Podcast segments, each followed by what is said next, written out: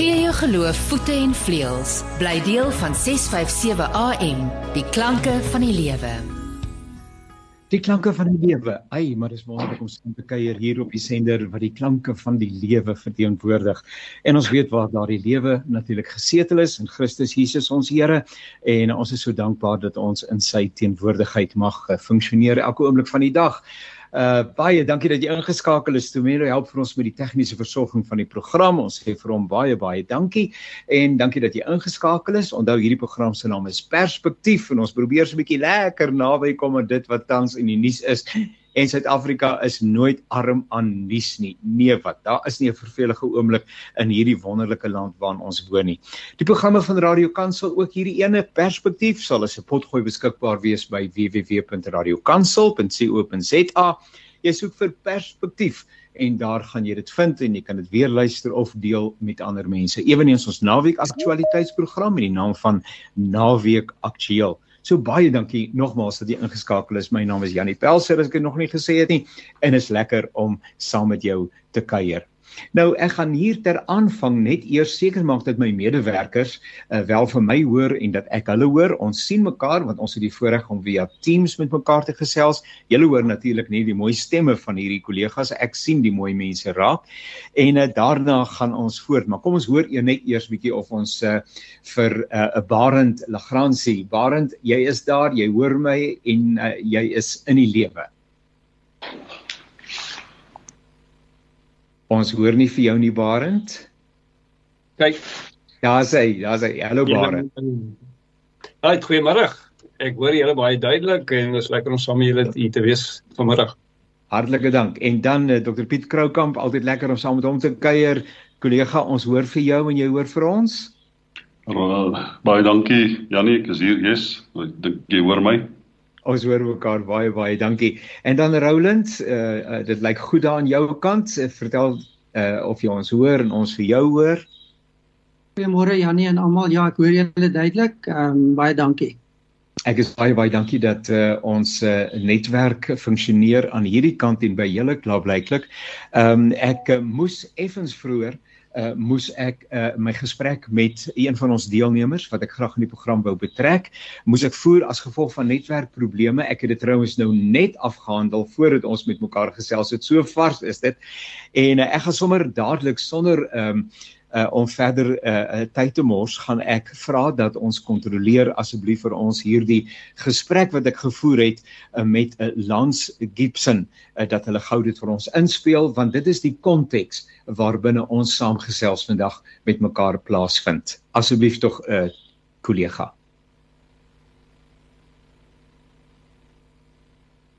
South Africa is tired of waiting. While crime in its various forms increases by the day, it seems that the authorities are not always, always able to ensure the necessary safety and protection. In the early morning hours of April the 30th, the community of Graskop was so to speak held hostage by gangs of criminals who robbed businesses and occupied streets. Here to tell us what happened is Lance Gibson, and he is with the Graskop Taxpayers Association. Good morning, Lance. I trust that you are well. Uh, I am well, yes. Thank you very much. Lance, thank um, you so much. Yes, by all means. Um, can I give you a little bit of background of Graskop? Please do tell us a little bit about about Graskop. Just I can't uh, think that there's anybody who doesn't know where the beautiful place is, but just in case, give us a bit of a geographical uh, description of the place, please. Okay. We're on the panorama route. Um, which uh, the the route includes Long Tom Pass, um, starts at White River, comes through Sabi. Um, is is is basically the hub. Um, it includes um, access to viewpoints like God's Window, Wonder View, um, the Pinnacle, um, all the waterfalls, Macmac Falls, Lisbon, Berlin Falls, Blood River Canyon, Bergsack Potholes, and so on. We're also um, within uh, half an hour drive to Pabeni Gate, the Kruger Kruger Park. So um, we have access to everything um, and and um, pretty central um, to the to all the the, the wonders of Mpumalanga. It's a beautiful place. It has so much to offer and it's an incredibly beautiful and gifted area. God has really graced that area with beauty uh, and serenity and so many things that we are looking for and uh, waiting for. Uh, but now uh, that peace and tranquility was interrupted, uh, Lance, because apparently uh, your community has been terrorized by gangs of criminals for some time now. Yes, we have been. Um, going back to, if, if my recollection is correct, right to, to the beginning of 2019, um, we, we, we had the first attacks on the, the gorge lift. Um, the gorge lift is relatively new um, uh, uh, wonderful place, obviously, for people visitors to go to. There's a lift that goes down into the gorge and uh, uh a walk across the gorge and that type of thing. Yes, obviously, um, they were taking in a lot of cash at that stage, and, and they've had a number of attacks on on the property, um, uh, including blasts, blowing up um, drop safes, um, armed robberies, that type of thing. Um, I think uh, in all they've had at least four um, uh, um, cases like this. Um, then moved on to the Total Garage, which is actually in town, um, just up the road from from the Gorge Lift area, where the first time they blew up the ATM. Um, sort of in the middle of the night. All of these things happen sort of late, late uh, at night or early hours of the morning. Um, it then turned into an arm. The next one was an armed robbery of Total Garage. Um, this was um, uh, well, there were there were a couple of times that the ATM was blown up um, and and money taken. Um, earlier this year, I think in February, there was an armed robbery late at night of the of the um, the garage. The garage attendants were all robbed, held up, held hostage in in in, in the shop. Um, it then moved on to uh, an attack on Spa, um, which was, I think, um, sort of mid March, um, where just at closing, with customers inside, a group of armed men entered the, the premises, held everybody up, um, robbed, robbed the tools, um, took whatever they could, um, and uh, obviously got away um, basically scot free without um, a response. Um, in fact, the first people to respond were security and and and um, the traffic officers. Um, police arrived after after the, after the, the event. Um, we also Ackermans was ro- robbed a little earlier this year as well. also broad, broad daylight lunchtime. Um, um, at that time. The police responded and that, and there was a, a chase down um, Main Street into Louis Tricard Avenue. Um, just on the corner, um, I own a restaurant, and as the police came driving past, they were shooting out the window wildly at the at the um, at the at the perpetrators. But who, who, as far as reports are concerned, they they got away again. Um, now, effectively what happened on on um, start is on the 30th of April. It, effectively started on on the on the 29th um, Saturday 29th. Um, my house is on the corner on on on the street, um, which is Church Street, uh, uh, behind the spa. Across the road from me is an empty empty stand. Um, I noticed around about eight o'clock a, a white vehicle um, pull into the stand and park there, and it had a number of occupants into it. I, I, I couldn't actually make out exactly who who they were. I, I, looked out and I saw saw these guys there, and I, I um, they were just sitting in the vehicle. So I actually called the the, the um, tried to tried to call the police, but um, got absolutely no response from them. Um, in fact, the phone didn't even ring. But the spy alarm was going, um, so from from eleven o'clock to Saturday morning, uh, Saturday evening, the um, the spa alarm had been going. In the corner where the dogs were barking towards on my property, I could I I could see a reflection, but at first I thought it was a street light. And when all of a sudden the reflection moved, um, so I thought, oh, there's somebody standing there on the corner. Um, and they, they're up to something. And I again tried to phone the police. Um, and again, I got absolutely no answer at all. Um, just before one o'clock, Sunday morning now, um, that's the 30th of April, Yeah, yeah. um, I w- I, the dogs were going uh, crazy again. And I went out there be- uh, just around about 10 past one. Um, there was a first blast. I could hear it was a, was was a huge um, amount of explosions because um, everything shattered. The walls of the house and the roof and everything shattered. Next thing, there was another explosion. The dogs were really terrified, and I had to look over the over the wall at the back um, on on Church Street side, and I looked down towards the spa. Next thing, from around the corner, coming out from from Total Garage, the um, the a vehicle came through. Um, it's uh, a minibus type vehicle with um, the, this white um, Volkswagen Polo charged around the corner. And next thing, these guys had R5s and nine more pistols, and they were shooting all over the place in, in front of them, bullets flying everywhere. I um, uh, just ducked my head, and I could hear my wife shouting inside, basically screaming, Lance, get inside, get inside. um, then of course the, the WhatsApp group started waking up, and everybody everybody was um, on there. What's going on? There's, What's going on? Are we under attack? Yeah. Yes, Uh, you were under attack. Yes. Uh, you know, we, we obviously were trying to get hold of the police. There's no response from the police. Um, we try, we, we, we got hold of the uh, our security guy. Um, his name is Reinhard Kruger. Um, and he was he got down to uh, to the spa, and they were actually shooting at him when they came past my house. All this time, no saps, um, no So now- police at all.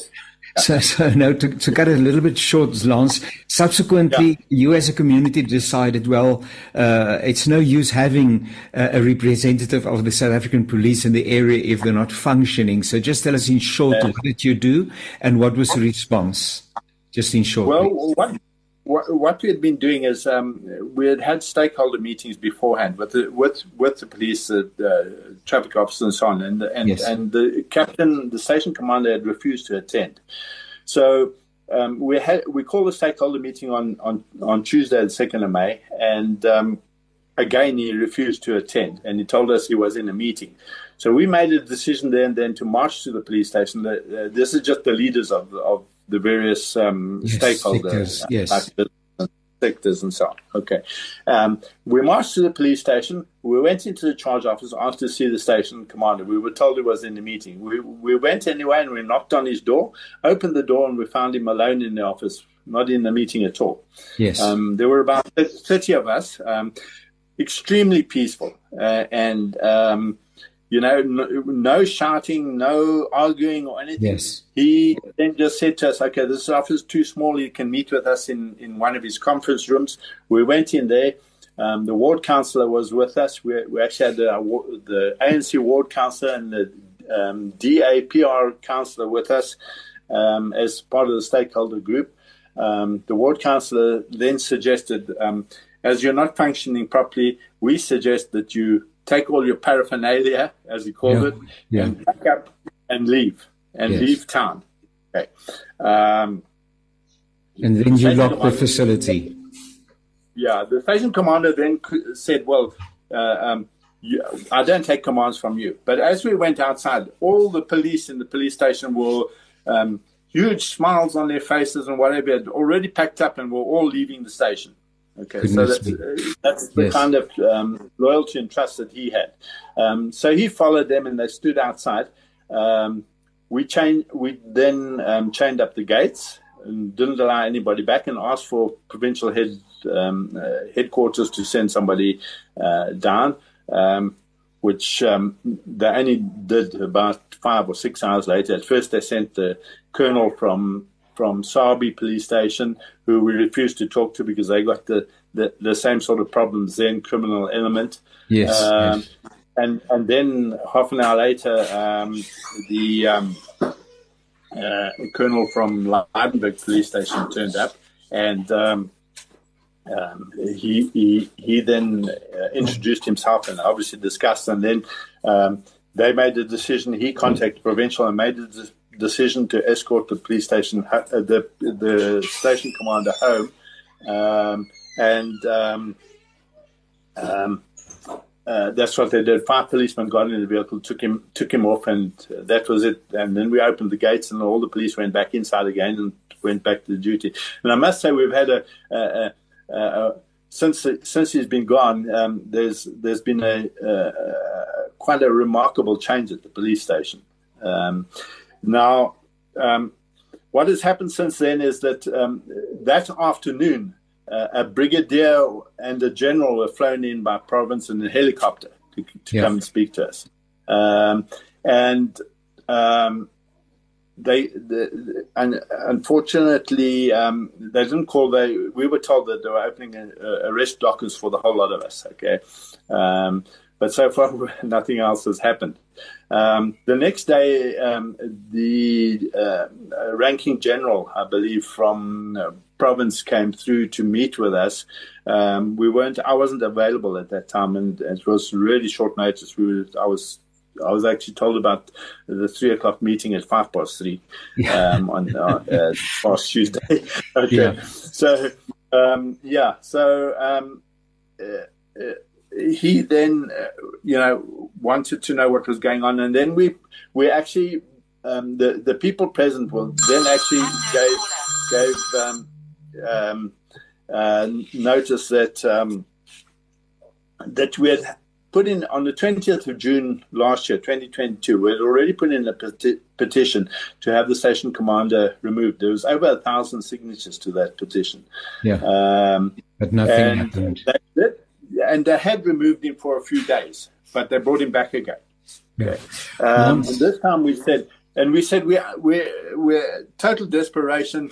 We can't have him back. Yeah, simple as that. Yeah. Apparently, he's been dismissed, but nevertheless, uh, Lance, that is more or less what yeah. time allows us. Uh, just yeah. uh, in two sentences, the mood amongst the citizens of Graskop at this time, and uh, has any or have any of the criminals been apprehended? Uh, uh, do you do you think it's the same people that keep on harassing the, the, the the the people and the community of Graskop? Um, it's definitely the same people because the the registration numbers of the vehicles are the same. Oh yes, um, yes. and nobody but, but apprehended. Nobody's apprehended. Nobody apprehended at this stage. The mood in town is is very apprehensive. Um, obviously, amongst business people is is um, the worry about loss of tourism and correct. Um, yes, has has that effect. But obviously, amongst the the community in general is is um, uh, apprehensive. When when are they going to hit us again? Because um, you know what what can we actually do to prevent this? Um, yes, yes, and that's what we need to speak uh, speak to the general about. Apparently, the general is coming back on the seventeenth of May to give us answers. So. Um, we're we're hoping for something something positive. Well, Lance uh, Gibson, thank you so much for sharing with us uh, that very, very bad experience that you've had. Uh, from our side at Radio Pulpit, uh, be assured that we are thinking of you and that we're praying for you and for, for safety of all communities in South Africa. Uh, so may God bless you and thank you so much for your willingness to just share with us your experience and uh, may you experience God's peace amidst all the challenges at this time. Thank you so much. From your ear to your heart heart, to your mouth, to your feet. Join this life on 657 AM. Ja, so gesels eh, Lance Gibson en hy is natuurlik die voorsitter van die Graskop Belastingbetalers Vereniging. Hier om saam te gesels, uh hierdie is maar net die agtergrond en so 'n bietjie verder te verken oor waar ons in Suid-Afrika is en wat gemeenskappe kan doen ensovoorts ensovoorts. My voorreg om te gesels met Barend Legrandsie en hy's 'n gemeenskapsaktivis. Ek het al dag gesê, so ek sê weer 'n keer 'n da, uh, uh, dag 'n uh, Barend net om seker te maak dat jy daar is. Ja, goeiedag. Daar sê en dan praat ons met Dr Piet Kroukamp en hy's onder andere politieke wetenskaplike verbonde aan die Noordwes Universiteit. Vertrou ek steeds reg op die manier. Goeiedag uh, eh, Dr Piet. Goeiedag.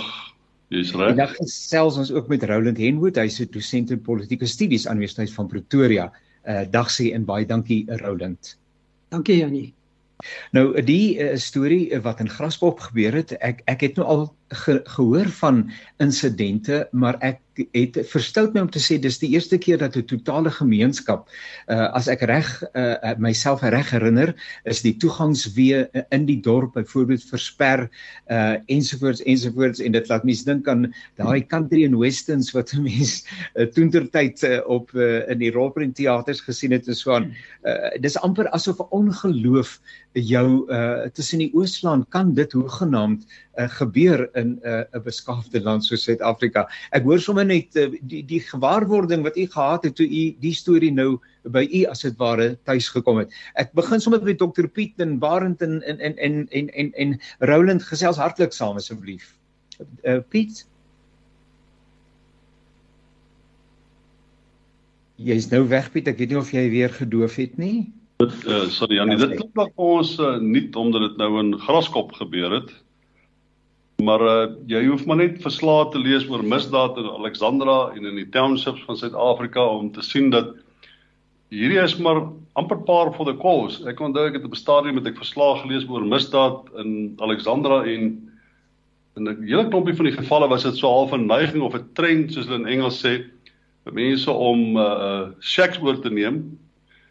Die kinders te verplig om 'n susters en ouers te verkragt en die mees gruisame geweld terwyl mense net langs hulle is maar eenvoudig te vreesbevange is om enigiets te doen.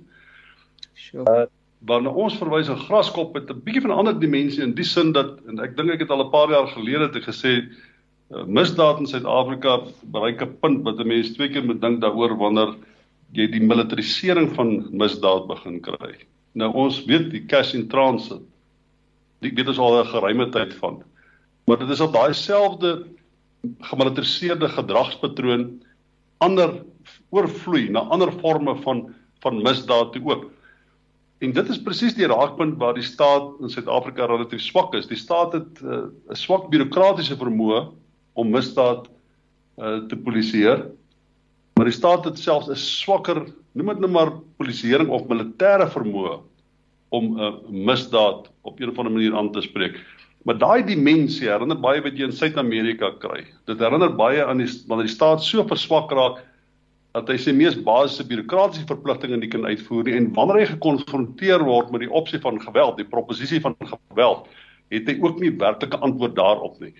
Nou mense wonder baie keer wat is oor van die funksies van 'n staat wanneer uh hy op daardie wyse soos ons nou aangedui het swak is. Wat oorbly is dat hy kan dele van die samelewing polisieer en patrolleer en beheer wat konformeer tot die konstruktiewe gedagtes van 'n van 'n regstaat. Maar die oomblik wat jy nie konformeer het hy geen vermoë om uh, op te tree nie en dan mettertyd sal jy sien dat selfs die mense wat normaalweg konformeer tot die reëls en regulasies begin ook die grense toets. Byvoorbeeld, hoeveel van ons stop nou nog by 'n rooi robot in die nag en later begin ons maar in die dag ook oor die rooi robot ry. En met die tyd begin ons ander grense van goeie gedrag begin ons ook toets. En dis nie lank nie voordat die wanorde wat daar bestaan wanneer die reëls en regulasies van die staat en van die grondwet nie meer geëer word nie, eintlik maar 'n algemene beginsel van verontregting opneem. Ja, dis 'n dis 'n sad storie, né? Roland Kosoor wil sê jy sad story. Ons ja, stel ja, ook as jy luister na Piet. En ek dink maar wat Piet sê is baie belangrik. Hierdie is nie 'n eerste keer wat dit gebeur nie. Dis glad nie so nuut nie. So mense wat dit as 'n eerste ervaring is nie goed ingelig nie, weet nie regtig wat gebeur nie. Ons het al hoeveel keer gesien hoe hierdie transito rowers binne in stede 'n hele gebied afblokkeer om hulle teiken op te blaas, geld bymekaar te maak en weg te ry en ons het al videobeelde gesien waar polisie en ander staan en kyk en die gemeenskap wat daar bly hardloop en gaan tel geld op. So hulle is tussen in die polisie al sou hulle iets wou doen kan hulle nie. Ek dink wat belangrik is van Graskop egter is dat dit 'n ander dimensie vir ons bietjie demonstreer en dit is dat jou teikenseleksie en jou omgewing is bietjie anders.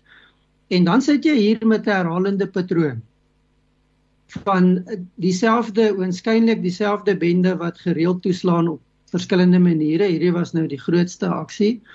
En die vraag wat dit by my laat opstaan is ontstaan is nie ontstaan nie. Die antwoorde wat dit eintlik vir my bevestig dat met polisie se intelligensie en voorkomende optrede bestaan glad nie en veral nie in die plattelandse gebiede nie.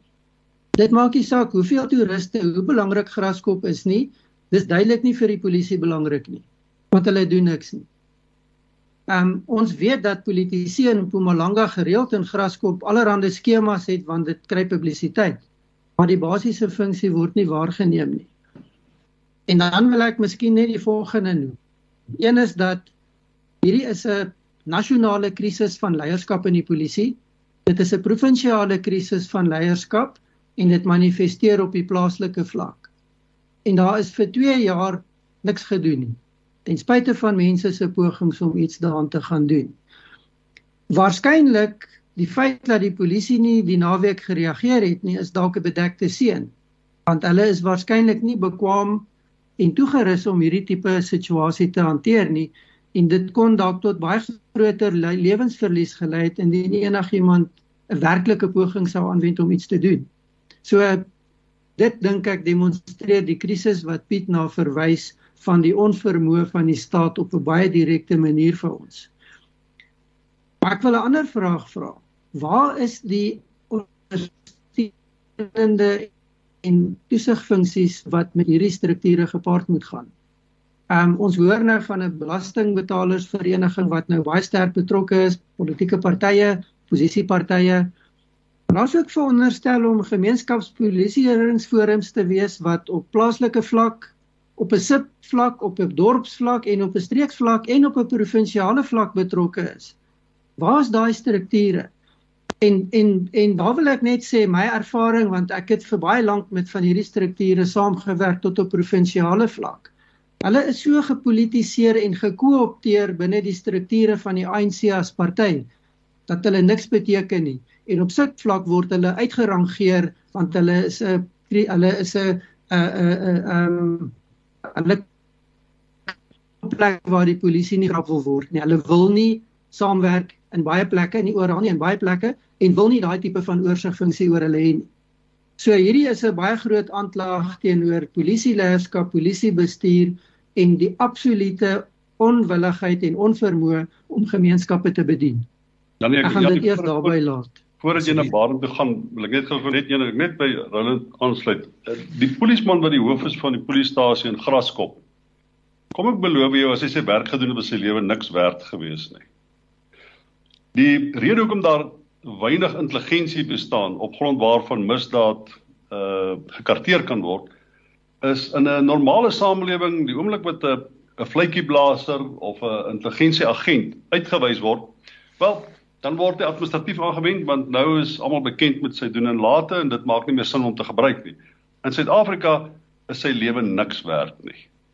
So in die intelligensie kapasiteit van die staat word gekorrigeer deur die feit dat uh die geweld en die nagevolge van betrap word is enorm.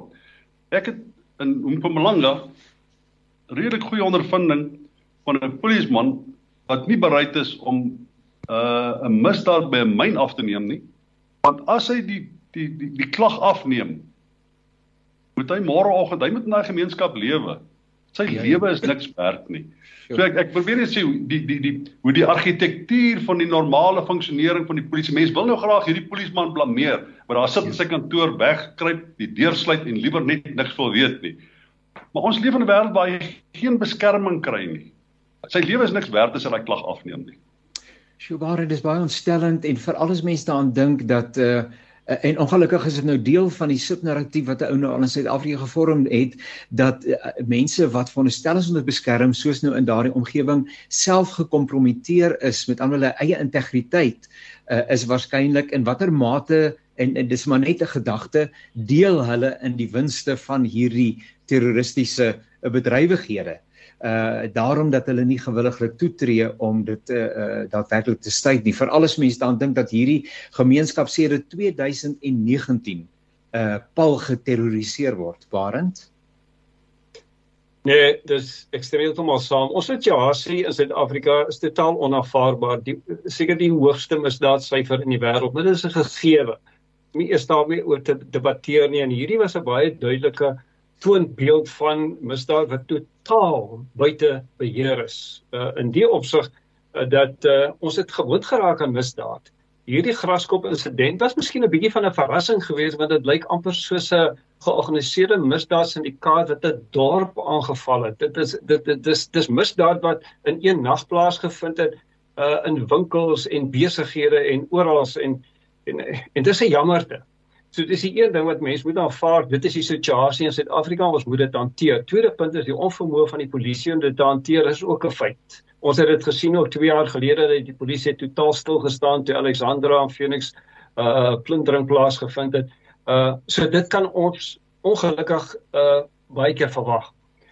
Wat eintlik vir verbasend is en Roland het dit ook opgenoem en Piet ook nou is dat uh hoekom was dit 'n verrassing? Dit is half of hulle dit nie verwag het nie. Daar's al baie lank al wat daar misdaad is, maar skielik is dit 'n verrassing geweest. En dis duidelik dat intelligensie inligting is nie op op op paar nie. Maar weer eens soos Roland soos reg uit uitgewys het, hulle het nie die kapasiteit daarvoor nie, maar dan vra ons die vraag, toe laas verduidelik het eh, wat gebeur het. Uh dit dink maar hoe is dit moontlik in ander dorpe is die inligting en intelligensie is baie sterk gesetel binne 'n gemeenskapsveiligheidsforums. En dit is nie hier lyk dit vir my die geval nie. So dit daar's 'n groot groot leemte.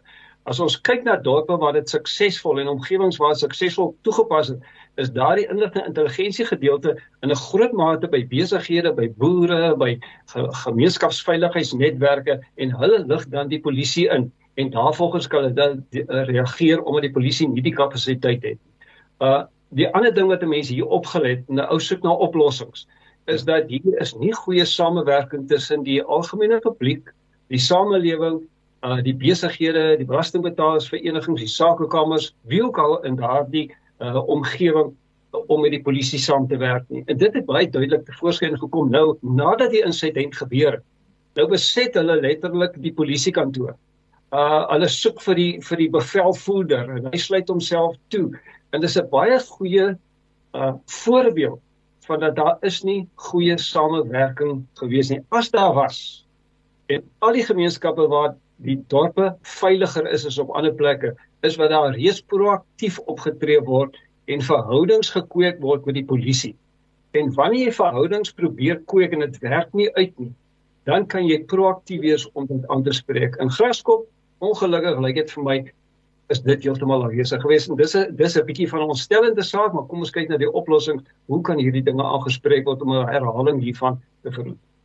Ja, kom ek sê net dat uh, en ook ter wille van ons luisteraars, dit sou gaaf gewees het as Lans kon vertel het wat wel dalk in plek is in die omgewing, maar hulle het totale netwerkonderbreking sedert uh 11:00 vanoggend uh, tot en met 0:30 vanmiddag en dan ons program word lewendig uitgesaai. So ek moes met Lans voor die tyd gesels en kan nou met ander woorde nie al hierdie gedagtes met hom klank nie, maar hierdie is suggesties en gedagtes van goed wat dalk nie heeltemal in plek is nie uh of nie optimaal funksioneer nie.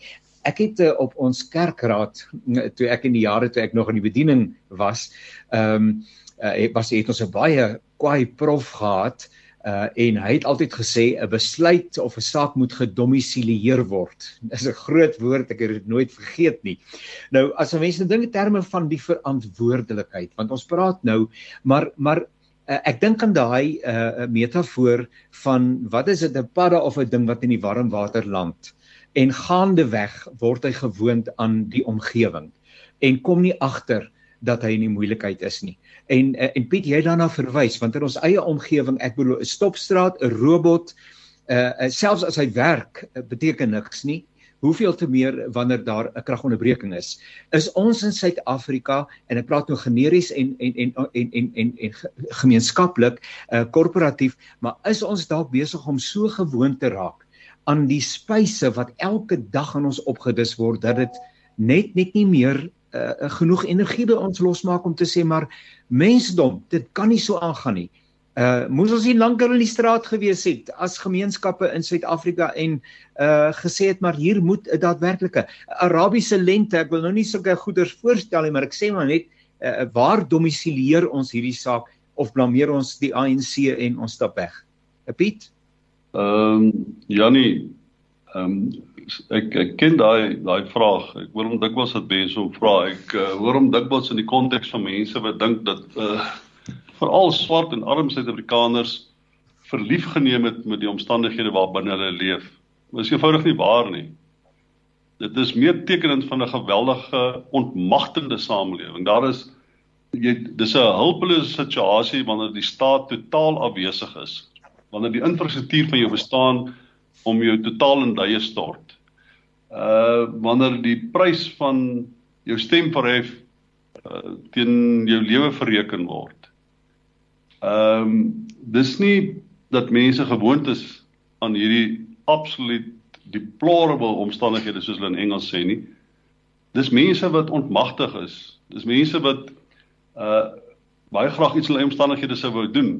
Hulle wil ook in goeie huise bly. Hulle wil ook hulle kinders na goeie skole toe stuur. Hulle wil ook water in die kraan hê. Hulle wil ook toilette hê wat binne in die huis is en nie pit toilet nie. Al daai mense, al hierdie dinge begeer die mense vir hulle self. Dit gaan oor die, jou vermoë om daardie dinge vir jouself moontlik te maak.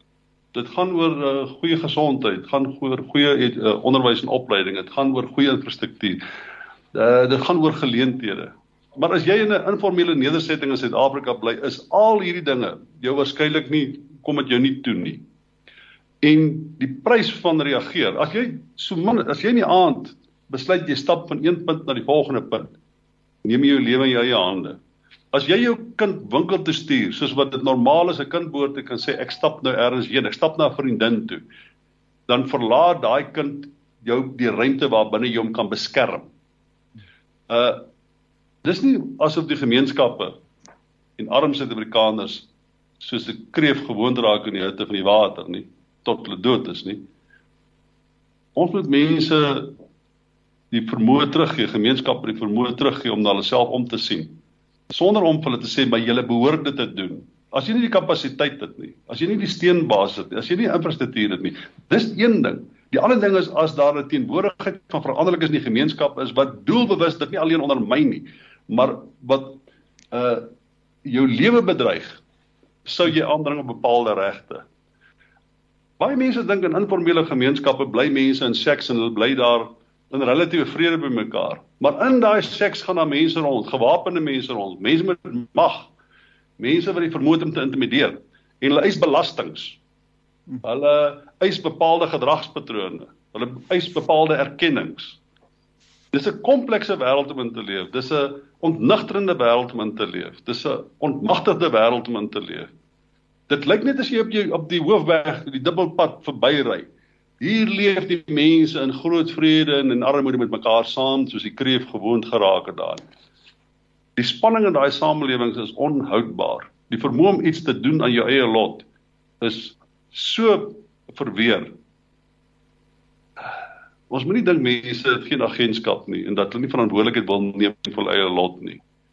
Ons moet besef dat is die situasie het, het ontstaan waarbinne die prys van niks doen is die dood, maar die prys vir iets doen is ook die dood. Sjoe. Uh, dis dis onrusbarend uh barend? Dis onrusbarend uh, uh wat hier geskets word. Jy en Roland net 'n gedagte voordat ons na na 'n kort stukkie musiek luister en dan gaan ons voort uh oplossingsgedrewe uh, dink ons maar ek wil ook graag so 'n bietjie vooruit kyk na volgende jaar en hoe dit hierdie dinge moontlik mag impak hê op volgende jaar se algemene verkiesing. Maar waarin net so opmerking vanaf van jou kant af en uh, ook van Roland af in in verband met dit wat Piet nou gesê het dat gemeenskappe uh, is nie bemagtig nie Nou hoe moet jy dan nou uh reageer as jy niks uh ter hand het nie? Uh uh, uh Barend? Peter so ongelooflik reg. Ons mense is nie bemagtig nie. Hulle het nie die vermoë nie weens verskeie faktore het oor 'n situasie ontstaan. Dit sou kom mense wat wel in die vermoë het is in 'n posisie, in 'n beter finansiële posisie, kapitaalkragtige posisie. En dit baie van ons is wat maar uit die ou bedeling ook maar bevoordeel word. En ek dink ons moet eh, daardie verantwoordelikheid opneem om te sê ons het nog steeds 'n geweldige taak om ook verantwoordelikheid te neem uh vir mense wat ook deur die huidige regering in die steek gelaat is. Daar's baie historiese redes voor, maar ook die huidige regering. Maar afgesien wie se skuld dit is en hoekom ons in hierdie situasie beland het, Mense het nie kos op die tafel nie, hulle sukkel te oorleef. Misdaad is vir hulle groter realiteit binne die townships is nie in die beter gebiede. En daarom is die groot verantwoordelikheid en dit word ook gedoen by baie dorpe dat belastingbetalers verenigings en sakekamers en kerke en geloofsgemeenskappe en boere staan al meer en meer by mekaar wat hulle besef die realiteite van hierdie land van ons en kyk nie net na hulle eie belang nie. En daar's 'n hele aantal voor voorbeelde wat ons net om miskien by kan uitkom as daar tyd is.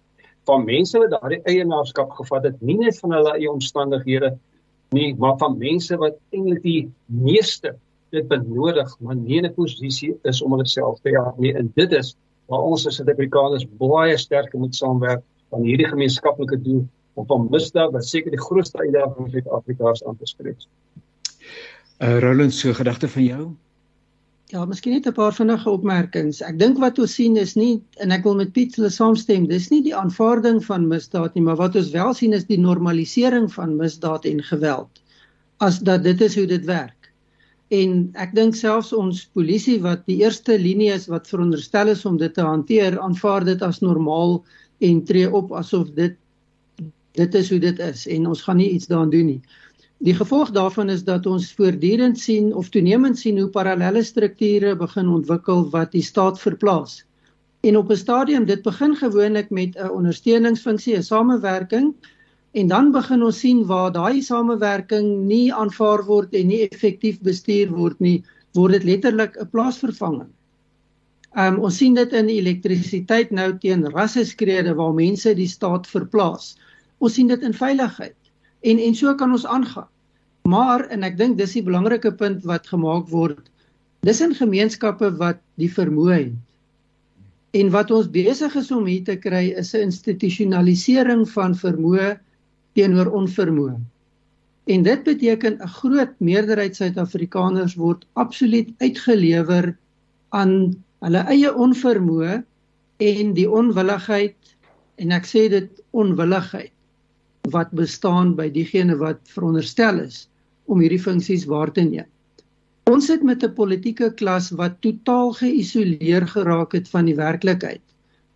In baie opsigte is dit 'n doelbewuste keuse. Ek isoleer my hiervan want dit is nie in my belang om daarop te gaan fokus nie. Ek doen dit een keer in 5 jaar voor 'n verkiesing, gaan deel ek kospakkies en T-hemde uit en ek beloof die armes iets en dan verdwyn ek. Ons het 'n politieke klas in Suid-Afrika gekry, geskep wat absoluut net in sy eie belang optree. En daai politieke klas het 'n kriminele onderbou begin kry. As ons kyk na KwaZulu-Natal, hoeveel politieke moorde word gepleeg sodat mense wat binne dieselfde politieke party is, mekaar kan vervang as raadslede. Want as jy eers daarin is, dan kry jy toegang tot die beheer van hulpbronne. So ons sit met 'n element van kriminalisering wat ook in die onderbou van ons politiek begin betrokke raak. En ek dink wat Graskop vir ons uitwys is hoe ver dit gaan wanneer jy letterlik 'n provinsie kry waar jy hierdie kriminele netwerke het wat of dit nou toerisme is of dit polisieering is of dit wat is mynbou oral is hierdie betrokke. Ek meen dis een van die groot krisisse by Eskom is die kriminele netwerke wat binne hierdie strukture funksioneer. Ons sien nou al die verslae wat uitkom rondom die Kruger Nasionale Wildtuin en die kriminele netwerke wat binne en buite die park betrokke is. So so hierdie tipe krisis is waarskynlik wat onderliggend is waar gemeenskappe dan begin uitreik en hande vat en letterlik die staat begin verplaas en hulle eie heil begin op 'n manier verbeter. Dit is nie die ideale oplossing nie. Dis ook nie die langtermyn oplossing nie, maar hopelik kan dit genoeg momentum losmaak dat die ander plekke onder druk kom en daar 'n uh, positiewe uitkoms kan kom. We need to take a short breather. Let's just quickly listen. Uh, uh, Piet, hou daai gedagte net. Ons gaan vinnig net luister. We're just going to listen to a short song or a song, a North Point Worship uh, featuring Chris Corley and uh, the song's name is We Are Royals. So let us enjoy this breather together.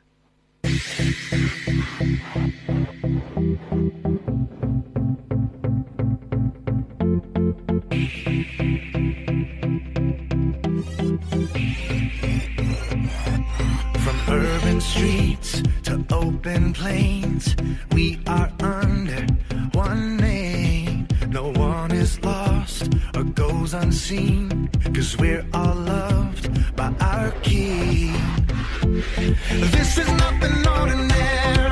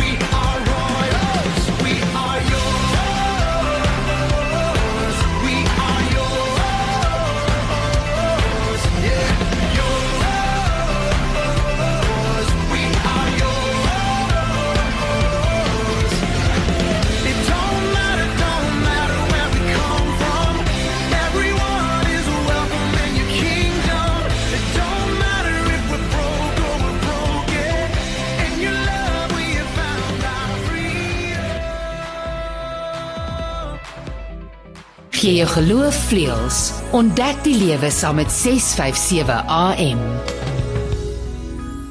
Ja, jy luister die programme van Radio Kansel. Hierdie program se naam is Perspektief. Ons gesels so 'n bietjie oor die gebeure in Graskop en aanverwante sake. Uh, my gaste is uh, uh Roland Henwood, uh, Dr Piet Kroukamp en Barend Legrandsie. Ons tydjie is nooit uh, vriendelik teenoor ons nie. Ons het so 'n klompie minute oor en uh, net voordat ons nou musiek geluister het, uh Dr Piet het eers gedagte gehad ons hoor graag. Ja, wie ons sê dikwels die polisie is absoluut hopeloos. En gegee ons verwagtinge, miskien is hulle hopeloos, ek weet nie, maar in 'n in 'n normale samelewing, 'n polisieman uh, word opgelei om reg en orde te handhaaf. Ja. Hy word nie oor uh, opgelei om oorlog te maak nie. Ja, ja.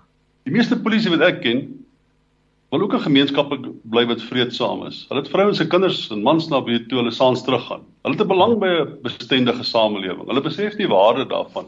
Ja, ja. In die ou apartheidsjare was hierdie tipe van geweld wat ons sien, hierdie misdaad wat ons sien, dit het 'n graskop gebeur. Daar was spesialiseenhede wat spesiaal met daai tipe van situasies moes gedeel het. Jy kan nie van 'n gewone polisieman verwag gegee die opleiding wat 'n gewone polisieman kry wat reg en orde moet handhaaf, die veiligheid van die burgers moet verseker op 'n normale manier hoe hy die pad kruis en waar hy loop eh, of hy by die reg by 'n robot stop. Nou verwag jy van hom om in 'n gemilitariseerde wêreld met 'n AK47 mee te dink ja. en sy lewe op die spel te plaas om my en jou se vodde en karre te beskerm. Dis dit is mos nou teoreties gesproke net 'n totale onregverdige maatstaf wat jy as jy sê die polisie is absoluut hopeloos. Watter polisieman word opgelei om hierdie tipe van geweld op te slaan of te beheer of te bestuur? Nêrens in die wêreld nie. Dis dis die werk van spesialisteenhede. So soos wat hierdie tipe geweld, hierdie militarisering van ons misdaad posvat in 'n verskroeide aarde teenwoordigheid kry in die samelewing, word gewone polismanne wat vanaand huis toe wil gaan na sy gesin toe. Dis reg. Word gevra om sy lewe op te offer om jou vodde te beskerm. Ergens is daar 'n teenstrydigheid. So ek ek is ek wil nie onkrities staan teenoor die polisie nie. Ja. Maar om te sê hulle is hopeloos, wel dan moet jy dit baie mooi kwalifiseer. As jy hulle doen hulle werk, jy moet dit baie mooi kwalifiseer. Watter polisieman het aangeteken sê ek wil 'n polisieman word en ek wil met 'n handwapen vasstap, waarskynlik op 'n daaglikse basis of redelik gereeld in iemand met 'n AK47 en ek wil iemand anders se kar en sy huis en sy goed beskerm. Dis it's just not fair. Ek is so bly vir daardie ook nugtere ehm um, punt wat wat jy op die tafel plaas eh uh, Dr Piet. Eh uh, Barend 'n uh, kort opsomming eh uh, so enkele minute, 3, 4 minute oor oor wat sien jy tog wel is besig om te gebeur eh uh, wat uh, as 'n voorbeeld kan dien vir gemeenskappe. Ja nee, ek dink ons in Afrika het ons baie maal 'n krisis nodig om by die oplossing te kom. Ons is ons is terughoudend en tot 'n tot iets 'n krisis kom en sê maar ons het nou nie 'n keuse om iets aan te doen. So graskop kom ons kyk na die positiewe kant. Miskien is 'n baie goeie waarskuwing, tydige waarskuwing dat so iets kan gebeur in 'n plek wat geweldig baie buitelandse toeriste kan lok, maar ons kan nie net graskop omgewing daardie benadeel word nie. Suid-Afrika in totaliteit kan daardie benadeel word. Kom ons kyk gou net op die vinnige punte van van van krisisse. Die kolonie geval het plaasgevind 6 jaar gelede. Daai dorp het gebrand. Daar was geweldige rassespanning geweest. En onmiddellik binne die eerste week is daai situasie deur die gemeenskap ontlok. En hulle het 'n vredesforum gestig en die dinge het genormaliseer. Maar onmiddellik as hulle is die kolonie veiligheid gestig. Hulle het op die huidige stadium het hulle 15 verskillende wyke daar. Hulle het patrollies daar, 'n 24 uur opskamer, hulle kameras oral, elke kruising selfs op die plaaspaaie. Alles is eenvoudig in plek gestel en dit het nie net op Kolinie gegaan nie, ook op Tobologang die die informele nedersetting en ook selfs die plakkerskamp in Skotland. Hulle het begin saamwerk en die kern van die saak is dat die gemeenskap moet sover as moontlik saamwerk met die Suid-Afrikaanse polisie diens en Pieter baie goed uitge, uit, uitgewys hier. Ons kan nie net kritiseer. Ons het miskien 'n ongelooflike swak leierskap in die polisie, maar ons het wonderlike polisie polisie polisie mense dis kom dit dis meer die die die objektiewe siening van ten opsigte wat ons kyk na ons polisie as 'n waardering en daarvoor is on, dit is nie 'n normale omstandighede in Suid-Afrika nie. Maar hierdie kolonie het 'n geweldige goeie inligtingstelsel om om proaktief te wees en sedert 6 jaar gelede dat daai dorp tot vandag toe nog nie een enkele voorval weer het plaasgevind op kolonie nie. Dit werk. As die gemeenskap saamspan saam met die ons ons ons wetstoepassing te gaan werk. Die volgende punt wat daar ook 'n krisis was, was in Senekal geweest. En ons weet dat in Senekal gebeur het so 2 en 'n half jaar gelede. Daardie gemeenskap het nou uh 200 kameras is opgerig. Die gemeenskap het saamgekom in in in 'n forum gestig wat hulle baie duidelik saamwerk wat die wat die wat die verhouding destyds nie goed was met die Afrikaanse polisie of die plaaslike regering en burgemeester is die is die samewerking baie baie beter. Die wat baie interessant is wat in Senekal ook gebeur het, die Taxi Association. Ons praat nou al van die taxi's as die persone wat baie misdaad georiënteerd is. Die verhouding tussen die gemeenskap en die Taxi Association in daai gebied is uitstekend goed. Hulle dien eintlik as die beste bron van inligting om voorkomend op te tree. So ons kern van die saak is samewerking. Ek was nou 3 weke gelede in die Waterberg in die sakekamer gewees saam met Fred Robertson. Dit was 3 dae spandeer in 'n in 'n in 'n in 'n in 'n in die uh, nuwe veiligheidsnetwerk wat hulle in die hele Waterberg gestel het, Molly Molly en en Potgietersrus en en Bella Bella. Maar daar baie duidelike planne is gemaak is om daardie omgewing sodanig veilig te maak. Op die kongres het die Suid-Afrikaanse polisie diens, die plaaslike polisie kantoor was self verteenwoordig. Jy kan nie die ding in isolasie doen. So ons kan oplossings gedrewe wees, daar's baie ander plekke wat as 'n voorbeeld kan dien om hierdie geweldige uitdaging te te werk. Ek uh, wil graag net vooruit gryp ten slotte uh Piet en en en uh Roland, julle wat veral dan nou op politieke terrein uh ook besig is en nadink en so. Ek het net in die afgelope week uh iewers gelees dat meneer Ramaphosa ehm um, goeie uh nou ja goeie hoop het uh en dat hy dit ook deurgee na sy strukture dat die ANC wel in die volgende algemene verkiesing uh van volgende jaar terwyl 'n uh, volstrekte meerderheid sal behaal en dat hulle daarvoor beywer. Uh, hierdie agtergrond, hierdie konteks wat ons skets is tog nou die ideale teelaarde vir alternatiewe om na vore te tree. Uh betekenisvol met integriteit, met uh uh inhoud, met inhoud. Uh wanneer sal hierdie strukture na vore tree en wat is die kans van die uh, ANC om wel volgende jaar weer 'n keer 'n uh, volstrekte meerderheid te kry. Uh, ons het uh, so 3 4 minute, 4 minute. So Dr Piet, wat is jou gedagte in die verband? Waar is die ouens wat nou moet sê maar hier is mos nou 'n goue geleentheid om Suid-Afrika uh, in 'n nuwe rigting te stuur? Ja, jy kan nou die syfers gooi as jy wil. Die heel belangrikste ding is wat 'n uh, wat 'n Suid-Afrikaanse burger, 'n lid van die burgery of homself vra is, uh wat is my alternatief? Ja. As ek ek het in my lewe lank vir die ANC gestem. Uh ek besef die weefselskade by die ANC, die ANC is gekorrumpeer. Uh, die ANC gaan ons probleem oplos, maar wat is die alternatief? En ek is bevrees die oppositiepartye bied hulle self nie noodwendig aan as 'n wesentlike alternatief nie. Uh ek ek ek het ek het 'n vreeslike slegte gevoel dat die ANC weer by 52% aan eindig behalwe dat julle is wat bid begin bid en dit werk.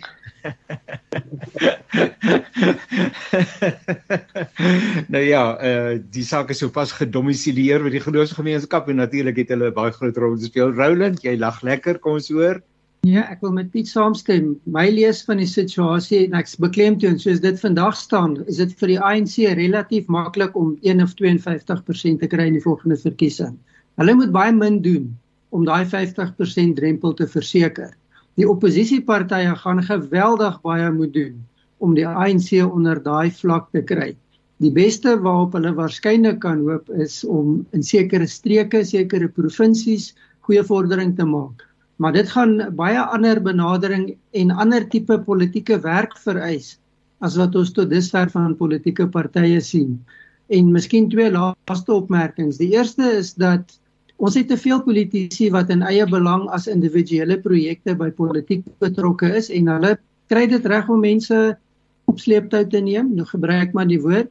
Die tweede punt is Ons moet baie versigtig wees en ons moet begin wegbeweeg van die idee dat alles gaan oor politiek en oor die regering. Gemeenskappe moet baie meer daadwerklik die eie belange en die eie fokus begin bedryf as 'n gemeenskapsprojek. Nie as 'n individuele projek of 'n ding nie, as 'n gemeenskapsprojek. Oral waar ons suksese sien, is dit die grondslag. En dan kom die politiek later by op 'n ander vlak. Dis nie die beginpunt nie. Um en veral nie in Suid-Afrika nie. Barend jy het 1 minuut. Nee, wat die vooruitsigte aanbetref, los ek dit vir Roland en vir Piet om daardie vooruitsigte te maak. Dit hulle ken self al wat ek vir jou kan sê. Die nuwe regering kry volgende jaar. Fenomenaal. Ons vertrou die Here ook en uh, ons intussen uh, gebed is 'n fenominale wapen ook teen dit wat verkeerd is in die samelewing, maar daar was nog nooit 'n verskoning dat ons hand uit die mou steek en verantwoordelikheid aanvaar nie. Deelnemers van hierdie program, Roland Henwood van die Universiteit van Pretoria. Roland, baie baie dankie. Dankie, is 'n plesier. Dr Piet Kroukamp, Noordwes Universiteit. Baie baie dankie Dr Piet. Altyd lekker Jannie, dankie. Barend Legrandsie, gemeenskapsaktivis, dink baie baie dankie en moenie daarmee ophou nie Barend, baie baie dankie. Goed voorreg weet jy nie baie dankie. En dan ook baie dankie ook aan ons kontroleur uh, vir die uh, regis ons regisseur vir die tegniese bystand uh, en aan jou as luisteraar wat ingeskakel was. Seënwense en tot 'n volgende keer alles wat mooi is.